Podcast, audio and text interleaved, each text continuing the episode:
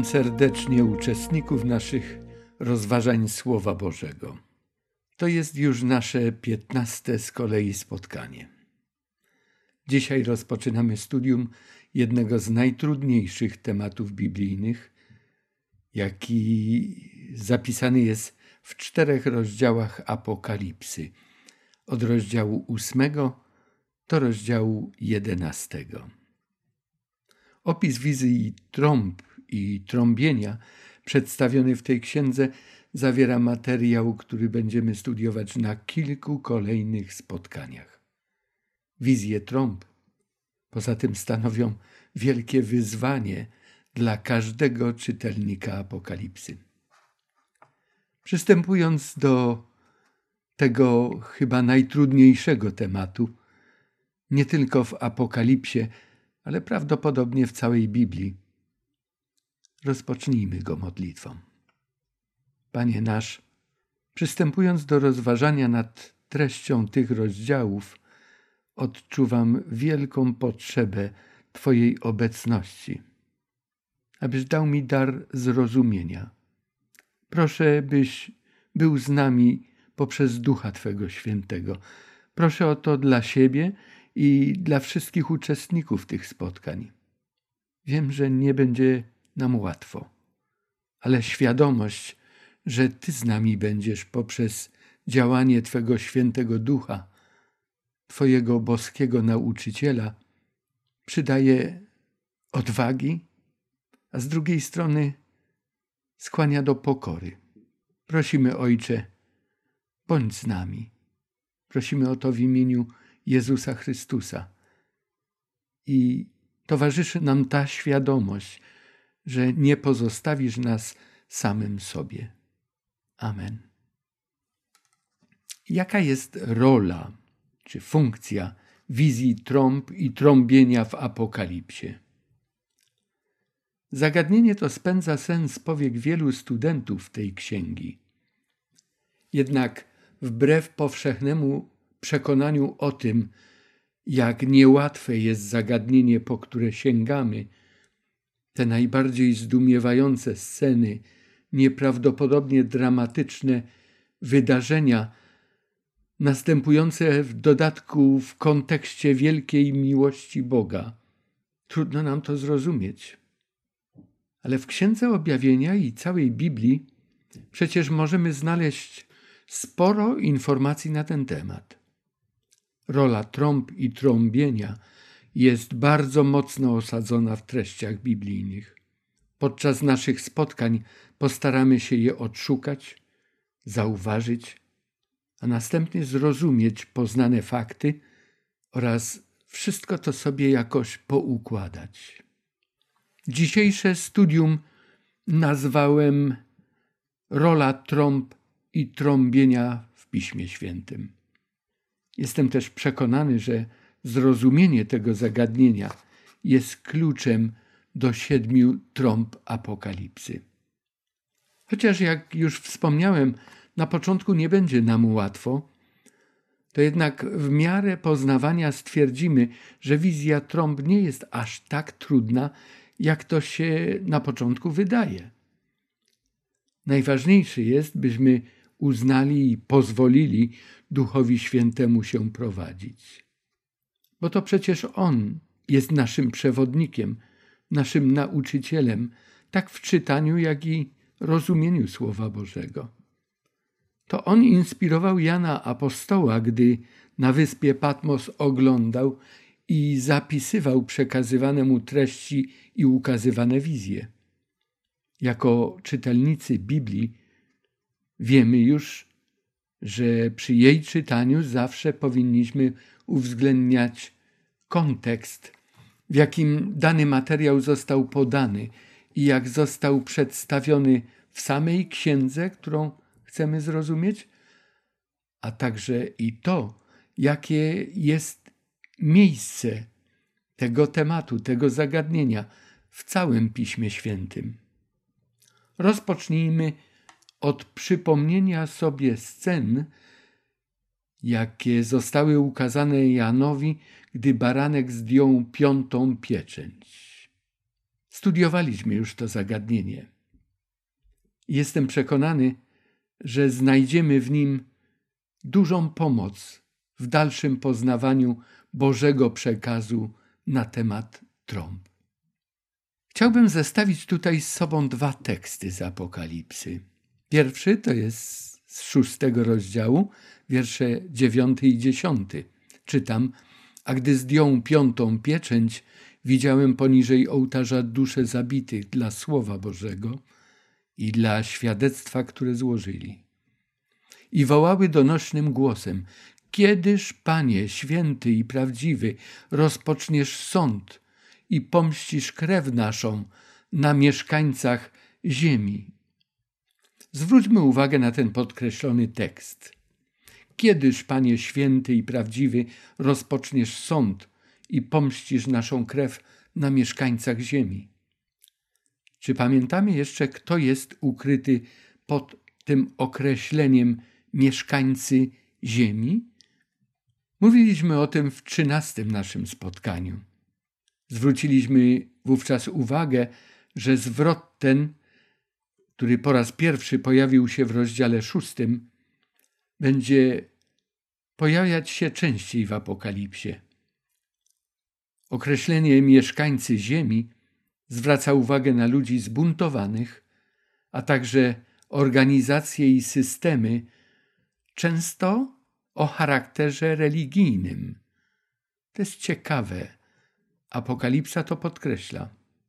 O charakterze religijnym, a jednak walczące z Bogiem i z Jego ludem. A teraz przeczytajmy słowa zapisane w ósmym rozdziale i wierszu trzynastym. I spojrzałem i usłyszałem, jak jeden orzeł lecący środkiem nieba wołał głosem donośnym: Biada, biada, biada mieszkańcom ziemi, gdy rozlegną się pozostałe głosy, głosy trąb trzech aniołów, którzy jeszcze mają trąbić. Tekst ten wyraża główne przesłanie na temat funkcji i znaczenia wydarzeń dziejących się podczas trąbienia siedmiu aniołów. Czy zauważamy podobieństwa i kojarzymy wzajemny związek treści zapisanych w tych tekstach? Przypatrzmy się zdaniom podkreślonym w obu cytatach.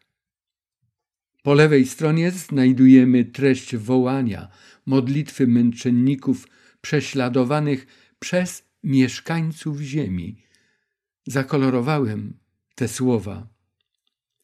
A po prawej stronie mamy zapowiedź nadchodzących kłopotów, problemów dla mieszkańców ziemi. Trąby ukazują Bożą odpowiedź na wołanie Jego umęczonych prześladowaniami dzieci. Zapewne pamiętamy jeszcze, jakie znaczenie posiada przywołana tu wizja z szóstego rozdziału. Zajmowaliśmy się nią na jednym z poprzednich spotkań. Gdy chodzi o słowo dusza, to w nauczaniu Pisma Świętego jest ona synonimem, symbolem życia, a także krwi, która jak kiedyś krew Abla, zabitego przez jego brata Kaina, woła o interwencję Boga. A teraz przejdźmy do sceny, która wprowadza nas do wizji siedmiu aniołów z trąbami. Jest zapisana ta wstępna wizja w ósmym rozdziale, w wierszu drugim do piątego. Popatrzmy na te teksty, by wyraźniej zobaczyć istniejący pomiędzy poprzednio czytanymi dwoma tekstami a tym tekstem związek. Jest to wizja wprowadzająca do scen, jakie rozgrywać się będą podczas trąbienia siedmiu aniołów. Wprowadzenie to ukazuje, jak i że Bóg reaguje na wołania swojego prześladowanego ludu. Kiedy Ci męczennicy ukazani w piątej pieczęci, w szóstym rozdziale wierszu dziewiątym i dziesiątym, w symbolu przelanej krwi, dusz. Wołają do Boga o sprawiedliwy sąd.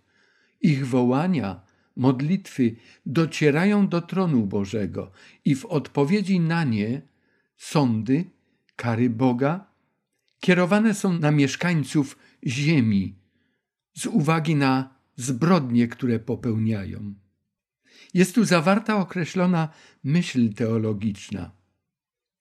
Nawet gdy sami cierpiący mogą nie być świadomi tego, że Bóg zna ich położenie i w odpowiednim czasie zajmuje się sprawą prześladowanych oraz ich oprawców, to Bóg to jednak czyni. Poprzez wizję trąb możemy zobaczyć to, jak Bóg we wszystkich wiekach traktuje i zajmuje się tymi grupami, społeczeństwami i narodami, które prześladują Jego świętych. Nie zawsze dzieje się to na zasadzie doraźnych interwencji, lecz w oparciu o zasady określone w przymierzu Boga z człowiekiem. Zasady te omawialiśmy bardzo szczegółowo podczas początkowych naszych spotkań. W przymierzu określone zostały zasady z jednej strony błogosławieństwa dla tych, którzy są Bogu wierni i cenią Jego opiekę i prowadzenie, a z drugiej strony przekleństwa, inaczej konsekwencje będące efektem odejścia od Boga i odrzucenia Jego prowadzenia, a tym samym pozbawienia się Jego ochrony, zarówno przed złymi ludźmi, jak też innymi wrogami, demonami. Trąbienia siedmiu aniołów zwracają uwagę, że Bóg słyszy i odpowiada na modlitwy swego ludu, ludu umęczonego przez mieszkańców ziemi, którzy niegdyś bardzo często także znali Boga, służyli Mu, lecz z różnych powodów odwrócili się od Niego i zerwali z Nim przymierze. Trąby zwracają też uwagę na nieszczęścia, jakie boleśnie dotykają prześladowców walczących ze Zbawicielem, Jego Ewangelią i Jego ludem. Zwrócono tu uwagę także na kadzidło, symbol modlitw i pośredniczej służby Chrystusa, które w intencji zbawienia ludzkości zostaje zaniesione na złoty ołtarz przed tron Boga. Następnie anioł bierze kadzielnicę, napełnia ją ogniem z ołtarza ofiarniczego i zrzuca to na ziemię, w wyniku czego pojawia się wiele nieszczęść i siedmiu aniołów rozpoczyna trąbienie.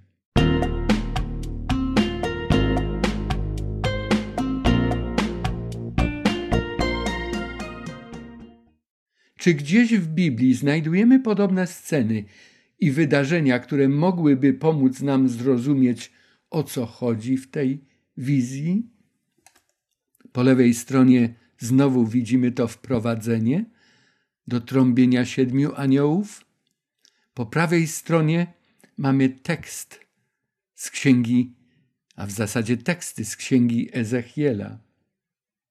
Starotestamentowym tłem dla tej sceny jest sytuacja, jaka istniała w Judzie w czasie najazdów babilońskich na Jerozolimę i na całą Judeę. Opis tamtych wydarzeń znajdujemy w księdze Ezechiela w rozdziałach od 8 do 11. Na ekranie najpierw widzimy ten tekst z 10 rozdziału, wiersze drugi i osiemnasty. I rzekł do męża odzianego w lnianą szatę tak. Wejdź między koła pod cherubami i napełnij swoje garście rozżarzonymi węglami spod cherubów i rozrzuć je po mieście. I wyszedł na moich oczach. W wierszu osiemnastym czytamy słowa, potem odsunęła się chwała Pana od progu przybytku. W jedenastym rozdziale, wierszu dwudziestym trzecim, czytamy, że uniosła się chwała Pana ze środka miasta i zatrzymała się na górze, która jest na wschód od miasta. A więc ten opis z ósmego rozdziału do dziesiątego w księdze Ezechiela, który mówi o odstępstwie Judy od Boga, o łamaniu przymierza, o bezczeszczeniu świątyni, powoduje, że Bóg decyduje się na pieczętowanie tych, którzy mają ocaleć przed pożogą. Innych ona dotknie. I tutaj jest ten moment w rozdziale dziesiątym Ezechiela, wiersz drugi, kiedy rozrzucane są węgle rozżarzone po mieście. Bardzo podobny obraz jak ten, który oglądamy tutaj w Apokalipsie w ósmym rozdziale, na dole tej lewej kolumny w tekście.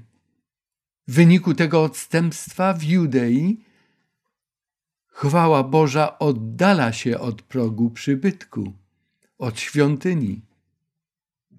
Ale dalsze teksty opisują, że jeszcze jest nad miastem. Następnie usuwa się według rozdziału 11 i wiersza 23 z pośrodku miasta i zatrzymuje się na górze, która jest na wschód od miasta, czyli na górze oliwnej. A więc w tamtym czasie oznaczało to pozostawienie owych występnych ludzi, którzy łamali prawo przymierza, a skądinąd przyznawali się do Boga Jahwe, ale deptali zasady i relacje, które istniały między nimi a ich Panem. Apokaliptyczna wizja, której opis widzimy po lewej stronie ekranu, wprowadza nas w serię trąbienia siedmiu aniołów. Jakie jest znaczenie, jakie poselstwo zawarte jest w tej scenie? Obraz Bożego działania w odniesieniu do prześladowców Jego ludu, narodów, jednostek, społeczeństw i pojedynczych osób został zilustrowany przez to poselstwo siedmiu trąb. O tym będziemy mówili szczegółowo, gdy badać będziemy te teksty pojedynczo.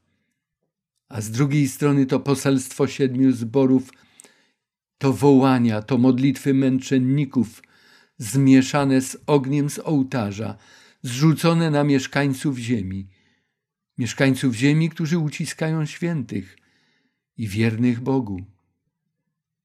Jeżeli ktoś cię prześladuje dlatego, że służysz Bogu i należysz do Niego, to wiedz, że On o tym wie i już zajmuje się twymi prześladowcami. Mówiliśmy o scenie wprowadzającej do trąbienia siedmiu aniołów.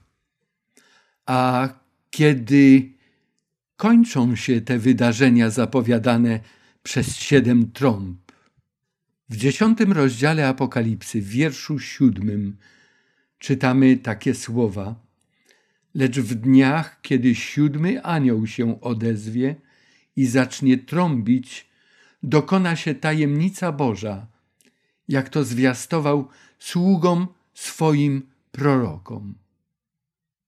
Nowe pojęcie tajemnica Boża. Co to jest tajemnica Boża? Jest to nowotestamentowe określenie oraz sposób nazywania Ewangelii Bożej, tego, czego dokonał Jezus Chrystus dla zbawienia człowieka, gdy przyszedł tutaj na tę ziemię, a również i tego, co wynika z tego zbawienia. W liście do Rzymian w rozdziale 16 apostoł Paweł napisał, że była to tajemnica od czasów wiecznych milczeniem pokryta. Ale teraz, pisze apostoł, czyli w czasie, gdy głoszona jest Ewangelia, teraz ta tajemnica jest objawiona i przez pisma prorockie, według postanowienia wiecznego Boga, obwieszczona wszystkim narodom, żeby je przywieść do posłuszeństwa wiary. Apostoł Paweł szczególnie w liście do Efezjan, napisał bardzo dużo na temat tajemnicy Bożej. A w Ewangelii Mateusza w 24 rozdziale wierszu 14 znajdujemy takie słowa. Chrystus powiedział: I będzie głoszona ta Ewangelia Królestwa po całym świecie na świadectwo wszystkim narodom, i wtedy przyjdzie koniec. A tu w dziesiątym rozdziale Apokalipsy, wierszu siódmym, przeczytaliśmy to samo oddane innymi słowy. Wtedy to się zakończy, gdy dopełni się tajemnica Boża, gdy Ewangelia zostanie ogłoszona. Finalne zwiastowanie Ewangelii Bożej jest wzmożone w kontekście wydarzeń trąby szóstej. Możemy o tym przeczytać w dziesiątym rozdziale, wierszach od ósmego do jedenastego. Na końcu tej sceny, która tam jest opisana, jest poselstwo przekazane. Ty musisz na nowo prorokować o wielu ludach, albo przed wieloma ludami, narodami, językami i królami. I to jest w czasie szóstej pieczęci, bo w czasie siódmej pieczęci dokona się tajemnica Boża. Ewangelia będzie już ogłoszona i więcej głoszona nie będzie. Czas łaski się skończy. Siódma trąba to zakończenie historii tej ziemi. Czytamy tam takie słowa w wierszu osiemnastym. Popadły w gniew narody, lecz i Twój gniew rozgorzał i nastał czas sądu nad umarłymi i oddawanie zapłaty sługom Twoim prorokom i świętym i tym, którzy się boją imienia Twego, małym i wielkim, oraz wytracenia tych, którzy niszczą ziemię. Na temat tego finalnego zachowania Boga już czytaliśmy w końcówce szóstego rozdziału. Zapewne pamiętamy te teksty, gdzie ludzie przerażeni pytają, któż się ostać może. Wiersz siedemnasty, właśnie z y, czasu trąbienia tego anioła siódmego, brzmi bardzo ciekawie.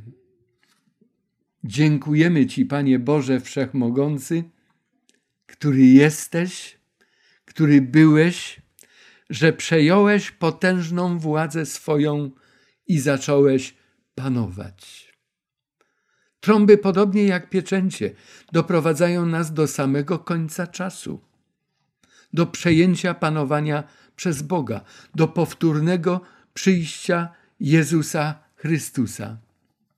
Chciałbym, abyśmy zwrócili uwagę na porównanie dwóch wypowiedzi na temat Boga, który według Apokalipsy pierwszego rozdziału wiersza ósmego przedstawia się jam jest alfa i omega, początek i koniec. Mówi Pan, Bóg, ten, który jest, który był i który ma przyjść, wszechmogący. Tutaj jest przedstawiona wieczność Boga. On jest, ale On był. On ma przyjść. On przyjdzie znowu na tę ziemię. A w jedenastym rozdziale wierszu siedemnastym czytamy, gdy siódmy anioł trąbi. Dziękujemy Ci, Panie, Boże Wszechmogący, który jesteś i byłeś, że przejąłeś potężną władzę swoją i zacząłeś panować. Zwróćmy uwagę, że już nie ma tutaj mowy o tym, że on ma przyjść. On już przyszedł. On już przejął potężną władzę swoją i zaczął panować. Właśnie w czasie trąbienia siódmego anioła.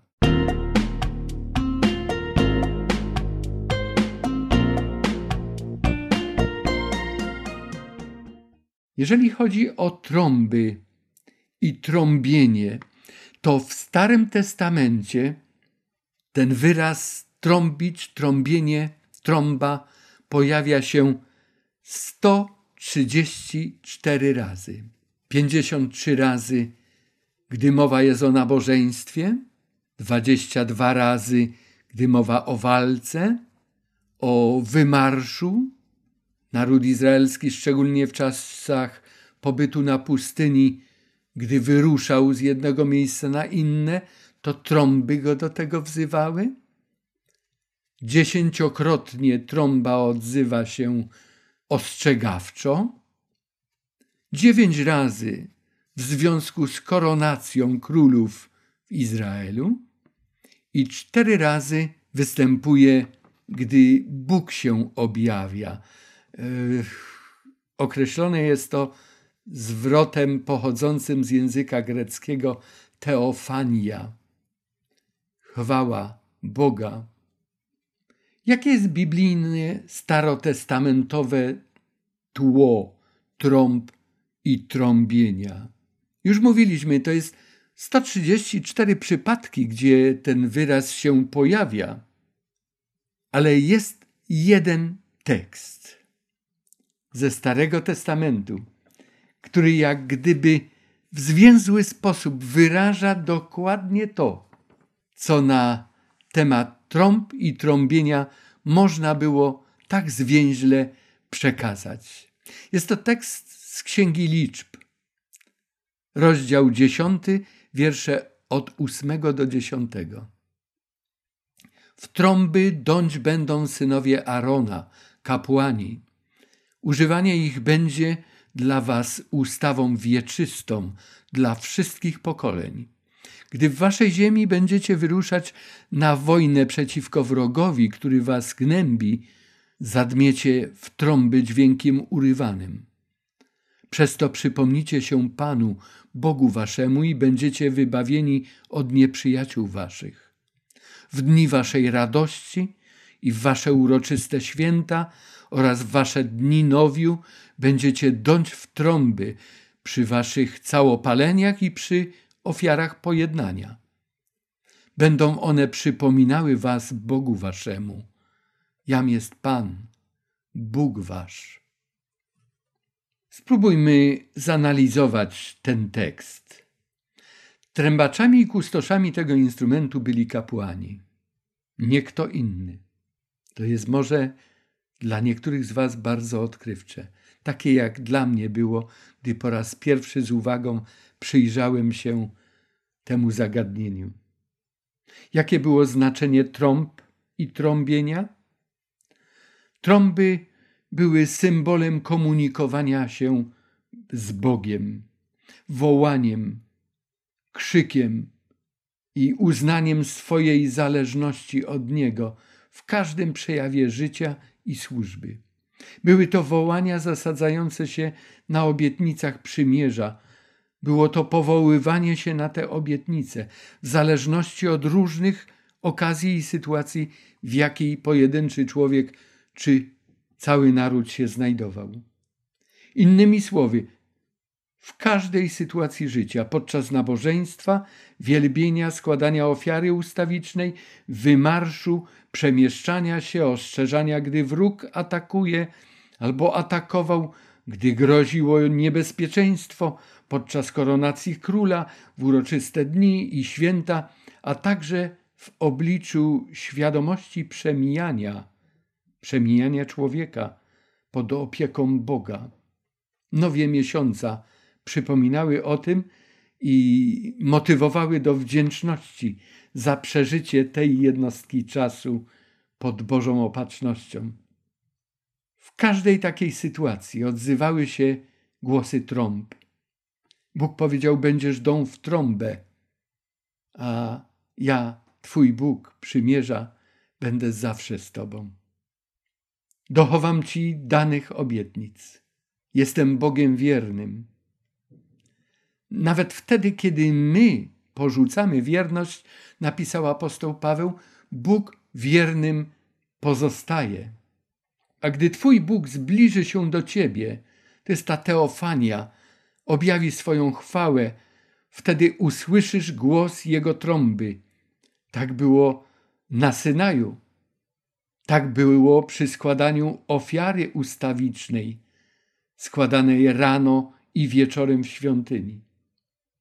Pobieżne czytanie tekstów opisujących głosy trąb, szczególnie tylko tych w Apokalipsie, wydają się być groźnymi opisami wojen, zniszczeń, pożogi.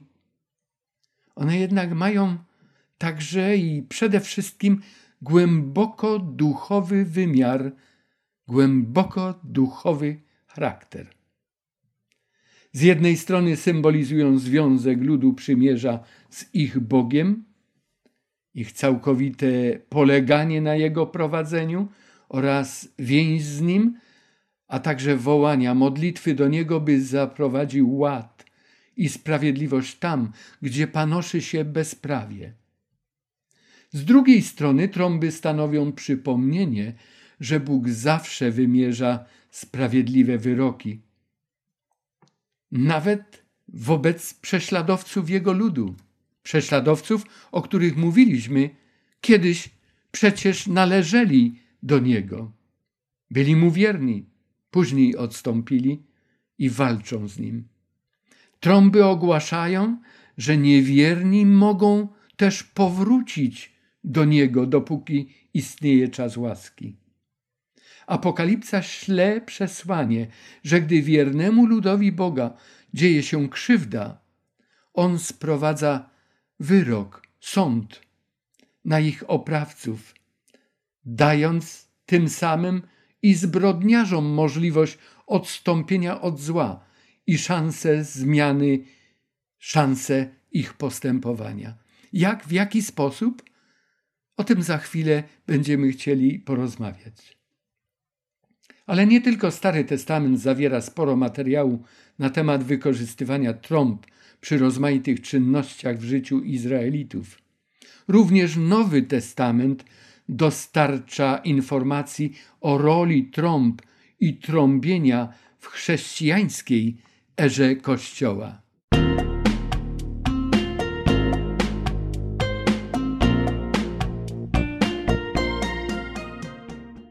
Nowy Testament pisze też o zwykłym, powszednim zastosowaniu trąb. Paweł do tego nawiązuje w swoich listach. Ale w księdze Apokalipsy, w rozdziałach od 8 do 11, 13 razy mowa jest o trąbach.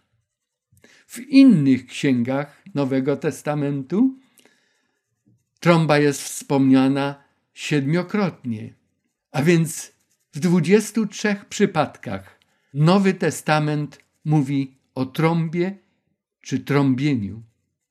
Siedem razy trąbienie oznacza teofanię, a więc ukazanie się Boga, ukazanie się chwały Boga. Tak jest w Apokalipsie w pierwszym rozdziale i wierszu dziesiątym, gdzie Jan napisał, że słyszał głos potężny jak trąby i okazało się, że to mówił Chrystus. I to była teofania. O tym samym przypadku czytamy w czwartym rozdziale i w wierszu pierwszym. W dwunastym rozdziale listu do Hebrajczyków, wierszach od osiemnastego do dwudziestego pierwszego, apostoł Paweł mówi o przywilejach wynikających z przynależności do Boga i cieszących się Jego obietnicami. Mówi: Wy nie podeszliście do góry ani do dźwięku trąby, ale podeszliście rzeczywistego, prawdziwego Boga i nawiązuje tutaj do tej epifanii, którą przeżyli Izraelici gdy oglądali chwałę Boga na górze Synaj. A więc w dwunastym rozdziale listu do Hebrajczyków apostoł Paweł na tę teofanię również powołuje się. W Ewangelii Mateusza w rozdziale 24 i 31 tekście czytamy o tym, że Jezus Chrystus, mówiąc o swoim powtórnym przyjściu i nadziei zmartwychwstania, powiedział, że wtedy, gdy Syn Człowieczy się objawi, to pośle aniołów swoich z trąbą wielką i zgromadzą wybranych Jego od jednego krańca po drugi. A więc powtórne przyjście Chrystusa jest znowu tym głosem trąby, tą teofanią zaznaczone. W pierwszym liście do Koryntian w piętnastym rozdziale, gdzie apostoł Paweł napisał o zmartwychwstaniu i o przemienieniu zbawionych, którzy będą zabrani do domu Ojca, to mówi, to stanie się w jednej chwili, w okamgnieniu, na odgłos trąby ostatecznej, bo trąba zabrzmi, a umarli będą wzbudzeni. Cudowna nadzieja zmartwychwstania i to nastąpi wtedy, gdy objawi się Jezus Chrystus z aniołami mocy swojej w liście pierwszym do Tesaloniczan w czwartym rozdziale, w wierszach szesnastym i siedemnastym czytamy, gdyż sam Pan nadany rozkaz na głos Archanioła i trąby Bożej stąpi z nieba. Właśnie to jest ta teofania. To jest powtórne przyjście tego, który jest naszym Zbawicielem. Warto skojarzyć jeszcze jeden głos trąby – o którym nie sprawozdano nigdzie na kartach Nowego Testamentu, a jednak wiemy, że głos trąby tej rozlegał się w jerozolimskiej świątyni właśnie o tej porze, w tej samej godzinie, gdy Jezus umierał o dziewiątej godzinie na wzgórzu Golgoty. Wtedy to wystąpiły wszystkie znaki, jakie będą towarzyszyły Jego również powtórnemu przyjściu, czyli teofanii, błyskawice, zaćmienie słońca, trzęsienie ziemi, otwarcie grobów, wszystko w tym czasie. I w tym też czasie składana była w świątyni tamid, czyli ustawiczna, baranek, składany zawsze rano i wieczorem. I to była ta wieczorna ofiara. Wtedy zgodnie z wymaganiami i wskazaniami Tory w świątyni kapłani deli w trąby. Przypomnijmy sobie to polecenie z Księgi Liczb, dziesiąty rozdział i wiersz dziesiąty. Jak widzieliśmy, Zarówno w Starym, jak i w Nowym Testamencie trąby miały wielkie znaczenie. W Starym Testamencie był to symbol modlitw wynikających z przymierza, w których ludzie walczący z grzechem albo cierpiący z uwagi na ataki wrogów wołają do Boga o uwolnienie, albo cieszą się i radują podczas uroczystości różnego rodzaju. Natomiast w Nowym Testamencie Trąby koncentrują się wokół zwycięstwa Jezusa na Golgocie i związane są z teofanią, z rzeczywistą obecnością Boga, który przybył na ziemię, by spotkać się ze swoim ludem. Główne nauki płynące z trąb opisanych w Apokalipsie są ściśle związane z głównymi przesłaniami Starego i Nowego Przymierza, Starego i Nowego Testamentu. Trąby Apokalipsy mocno osadzone są na praktyce modlitw przymierza, kiedy to ludzie wołali o sprawiedliwość, o to, aby Bóg ukrócił swawole ich prześladowców. Ale poprzez ten sam fakt sygnalizowali swoje pragnienie i potrzebę obecności Boga w ich osobistym życiu. Jego obecność była i wciąż jest widoczna w historii całej tej ziemi. Natomiast w trąbieniu w erze chrześcijańskiej, o jakim czytamy w Nowym Testamencie, nie znajdujemy już tak bardzo wojen, najazdów czy koronacji, ale są to teofanie i modlitwy wyrażające potrzebę społeczności z Bogiem, poprzez nowe przymierze, o którym możemy też przeczytać w liście do Hebrajczyków w rozdziałach ósmym i dwunastym. Trąba w Izraelu była uznawana za święty instrument. W każdym przypadku trębaczami byli kapłani, przynajmniej winni według Bożego zarządzenia być kapłani. Trąby odzywały się przy wymarszu, walce, nabożeństwie. Trąba u Hebrajczyków to święty instrument. Głos trąby to symbol modlitwy przymierza. Trąby w Apokalipsie mają znaczenie symboliczne, wołanie skrzywdzonych o sprawiedliwość. Pobieżne czytanie Apokalipsy sprawia wrażenie, że trąby to wielkie zniszczenia, pożogi. W samej rzeczy jest to raczej ostrzeżenie przed utratą zbawienia i wezwanie do zmiany życia, bo trąby odzywają się wtedy, gdy istnieje jeszcze czas łaski, czas na nawrócenie. Wielu uważnych czytelników Apokalipsy zastanawia się i zadaje sobie pytanie: skoro ta księga, jak czytaliśmy na początku, jest objawieniem Jezusa Chrystusa, to jak odnaleźć Zbawiciela w opisie tak strasznych wydarzeń, jakie się dzieją w czasie trąbienia siedmiu aniołów? Czy sprawiedliwość Boga objawiająca się w egzekwowaniu słusznych wyroków na mieszkańcach ziemi za ich nieprawe życie i prześladowanie Jego ludu wyklucza lub zawiesza Jego miłosierdzie i odwieczne pragnienie zbawienia grzeszników? Czy Bóg ma jakieś przesłanie, które kieruje w tym samym czasie do błądzących?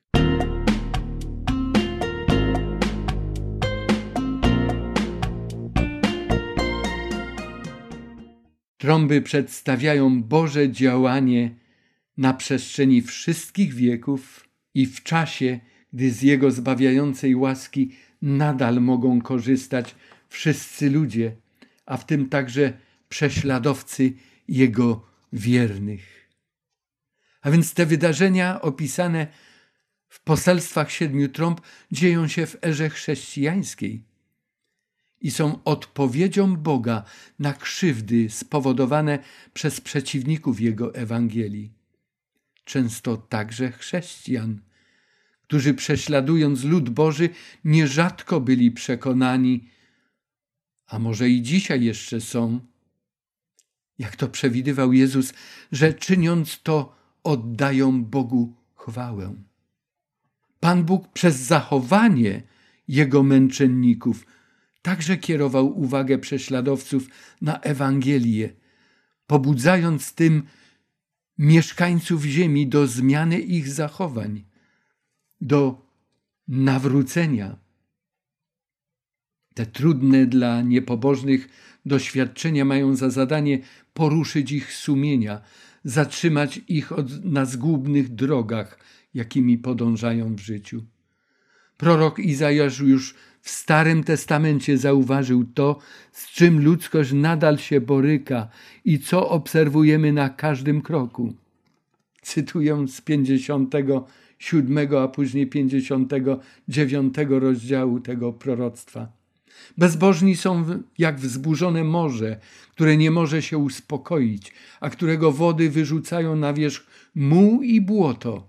Nie mają pokoju bezbożnicy, mówi mój Bóg.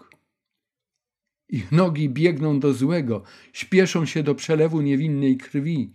Ich myśli to myśli zgubne, spustoszenie i zniszczenie znaczą ich szlaki. Drogi pokoju nie znają i nie ma prawa na ich gościńcach. Chodzą tylko krętymi ścieżkami. Żaden z tych, którzy z nimi chodzą, nie zazna spokoju. Bóg nigdy nie działa pochopnie, nigdy na początku swojej interwencji nie sięgał po sposoby, które byłyby radykalne i dotkliwe, lecz człowiek nie zawsze rozumie, że, jak to wyraził apostoł Paweł, dobrotliwość Boża prowadzi go do upamiętania.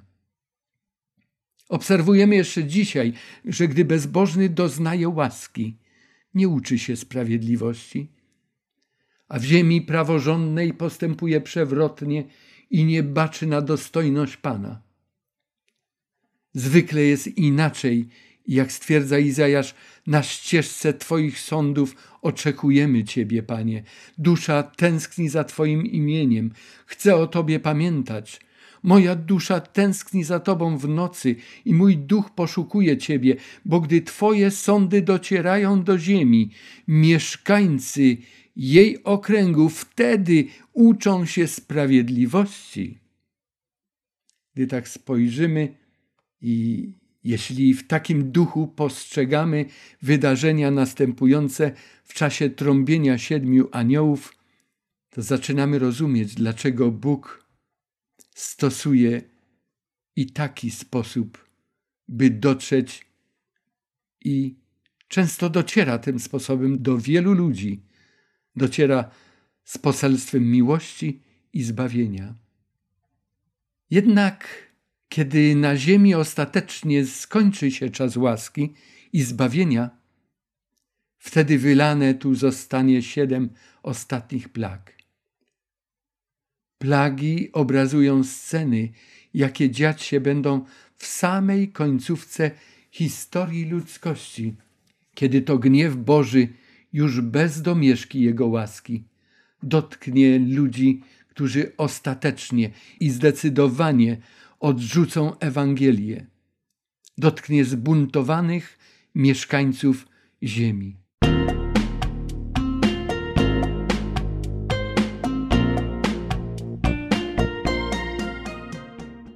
Chciałbym, zanim zakończymy dzisiejsze spotkanie, byśmy spojrzeli na Boży plan misji ratowania ludzi w każdym czasie, w tym także w czasie trąbienia siedmiu aniołów – abyśmy popatrzyli przez pryzmat tekstów, z jakimi już wcześniej spotkaliśmy się w rozdziałach Apokalipsy.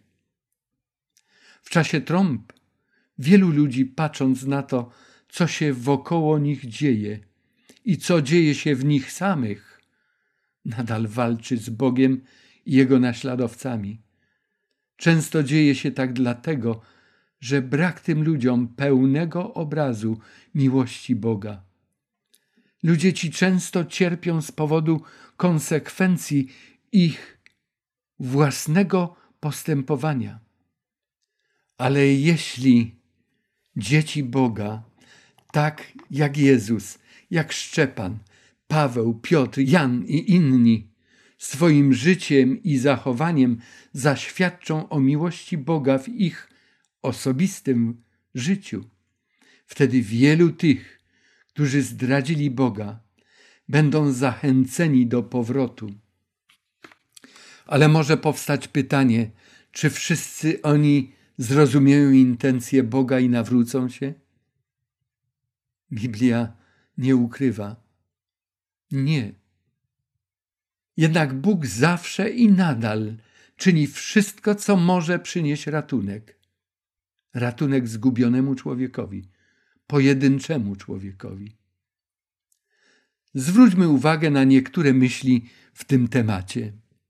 W Apokalipsie, zaraz na samym początku, mowa jest o objawieniu Jezusa Chrystusa, które zostało przekazane całemu chrześcijaństwu i rozesłane do siedmiu gmin chrześcijańskich w Azji Mniejszej i pozostawione w czystości do dnia dzisiejszego i wszyscy ludzie mogą się zapoznać z tą Ewangelią. W piątym rozdziale czytamy, że baranek, gdy zwyciężył, to uczynił z ludzi kapłanów. Uczynił tych, o których albo do których apostoł Piotr napisał, że My, którzy niegdyś nie byliśmy ludem Bożym, staliśmy się ludem Bożym, kapłanami Boga Najwyższego, aby zwiastować cudowne zbawienie tym, który nas podniósł z ciemności i zaprowadził do swojej światłości. W dziewiątym rozdziale, w czasie trąbienia, istnieje ratunek, jak czytamy w wierszach dwudziestym i dwudziestym pierwszym, ale wielu ludzi nie chce z niego skorzystać.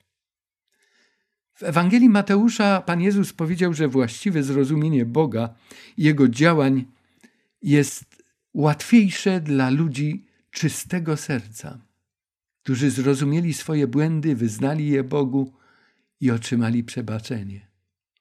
Również podczas trąbienia szóstego anioła Bóg ponownie nakazuje zwiastowanie Jego woli i łaski. O tym już mówiliśmy dzisiaj. Dzieje apostolskie, dziesiąty rozdział, wiersz jedenasty. Ale w dziesiątym rozdziale i wierszu siódmym jest ten tekst, że to zwiastowanie Ewangelii zbawienia będzie zintensyfikowane, ale zakończy się. Zakończy się w czasie trąbienia szóstego anioła. Zakończy się wraz z końcem czasu łaski. Łaska zbawienna była i jest nadal jeszcze dostępna dla każdego człowieka. Mimo ogólnego zamieszania, Bóg wciąż kontroluje wydarzenia na ziemi, wymierza sprawiedliwość zarówno oprawcom, jak i uciskanym. Decyzja za lub przeciwko Ewangelii wciąż jest aktualna i jest najważniejszą sprawą naszego życia, życia każdego człowieka. Poselstwo płynące z wizji trąb jest przestrogą przed nadejściem ostatecznej zagłady grzechu dla tych, którzy chcą żyć lepiej, lecz odkładają przyjęcie oferty zbawienia darowanego nam przez Jezusa Chrystusa. Nie lekceważmy tego ostrzeżenia, tej przestrogi. Bóg tak wiele uczynił i uczyni wszystko, byśmy już teraz bez lęku mogli spoglądać w swoją przyszłość i wejść z Nim w nową rzeczywistość. Drogi Boże i Zbawicielu nasz, czytając te rozdziały, jesteśmy przerażeni, ale wczytując się w nie i porównując z innymi miejscami w Piśmie Świętym, stwierdzamy, że to nie jest Twoja zemsta na ludziach. To jest sposób dotarcia do tych, do których nie dociera słowo miłości i łaski, podane w taki sposób, jaki charakteryzuje Ciebie i Twój Kościół. Spraw, abyśmy nie zlekceważyli głosu, który nawołuje nas do powrotu nie zlekceważyli ofiary naszego Zbawiciela na krzyżu Golgoty i abyśmy mieli udział w spotkaniu z Nim wtedy, gdy się objawi, gdy ta teofania nastąpi. Zobaczymy chwałę Jego, chwałę Boga, który nas umiłował i który zabiera nas do siebie. W Jego imieniu, w imieniu Jezusa Chrystusa, dziękujemy za ten przywilej i prosimy, abyś błogosławił nam według naszych potrzeb. Amen. Dziękuję za udział w dzisiejszym studium i zapraszam na kolejne. Tytuł kolejnego spotkania to Czas rozpoczęcia trąbienia. Dzisiaj mówiliśmy dosyć dużo o zakończeniu i o samym trąbieniu, o jego charakterze, ale czas rozpoczęcia trąbienia jest tematem niezwykle istotnym dla zrozumienia przesłania, jakie tam zostało zawarte. Jest to w dalszym ciągu klucz do zrozumienia siedmiu trąb apokalipsy. Proponuję, byśmy przed kolejnym spotkaniem zapoznawali się z treścią czterech rozdziałów Apokalipsy, od rozdziału ósmego do jedenastego. Powtarzajmy sobie te teksty. One opisują czas trąbienia. Chciałbym, byśmy, kiedy nadejdzie już czas szczegółowego studium poszczególnych trąb, mogli swobodnie poruszać się w tym materiale. Zachęcam Was, drodzy słuchacze, do tej niełatwej, ale jakże nagradzającej podjęty trud lektury. Do usłyszenia.